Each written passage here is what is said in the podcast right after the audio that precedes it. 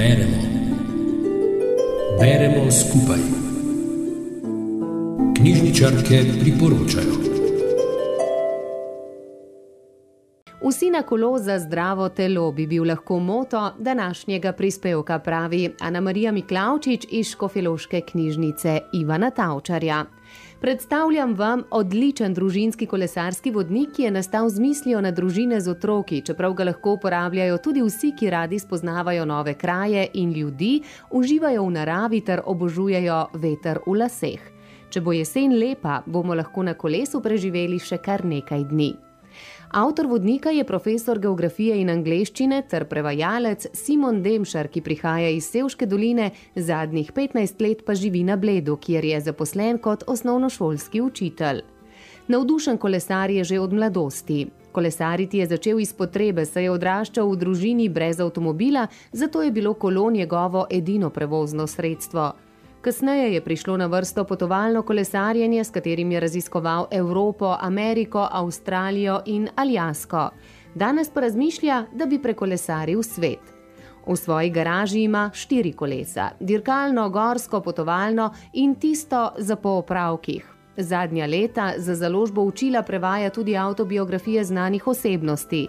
Po naključju je družinski kolesarski vodnik išel na isti dan kot njegov prevod avtobiografije Johna Lennona. Vodnik je nastajal dve leti. Sprva je pisec prosil občine in turistično-informativne centre, da mu pošljajo svoje predloge. Naredil je grob izbor z aplikacijo Bike Map, izrisal zemljevide, da je videl, kako dolge in višinsko zahtevne so trase, kasneje je vse preveril na terenu, kar pomeni, da je ob koncih tedna na dan prevozil eno ali dve trasi ter uredil dokumentacijo.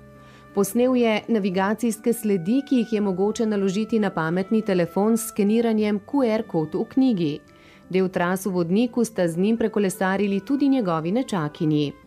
Vodnik vključuje 50 kolesarskih izletov po Sloveniji. Poti so razmeroma kratke, ravninske, z malo številnimi vzponi, pretežno krožne ter kar se da neprometne. Izleti so treh težavnostnih stopenj. Njihovim opisom so dodani zemljevidi z vrisano potjo, višinogrami, dolžina izleta, trajanje, vozna podlaga, izhodišče, počivališča ter zanimivosti ob poti. Vodnik ima bogato slikovno opremo. Vsi strmejši spusti so v knjigi označeni s posebno ikono. Najdaljša tura ima 46 km.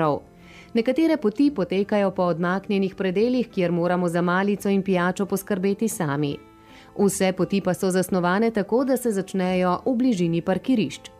V kolesarske izlete je avtor poskušal vključiti še druge rekreativne dejavnosti, predvsem kopanje, krajše sprehode, obisk kakšne prireditve ali vožnjo z vlakom. Vse opisane poti je mogoče prekolesariti s trekking ali gorskimi kolesi. Med snovanjem vodnika je avtor spoznal, da je Slovenija z vidika naravne privlačnosti nedvomno kolesarska dežela. Najlepše urejene so kolesarske steze okoli Bohinja in Kranske gore, prijetno so ga presenetile tudi bloke, ki so dokaj odmaknjen predel, a ponujajo domala idealne razmere za družinsko kolesarjenje.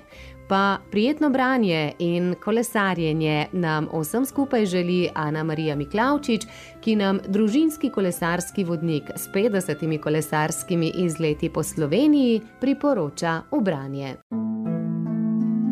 Rubrika Beremo skupaj nastaja v sodelovanju z Radijem Sora.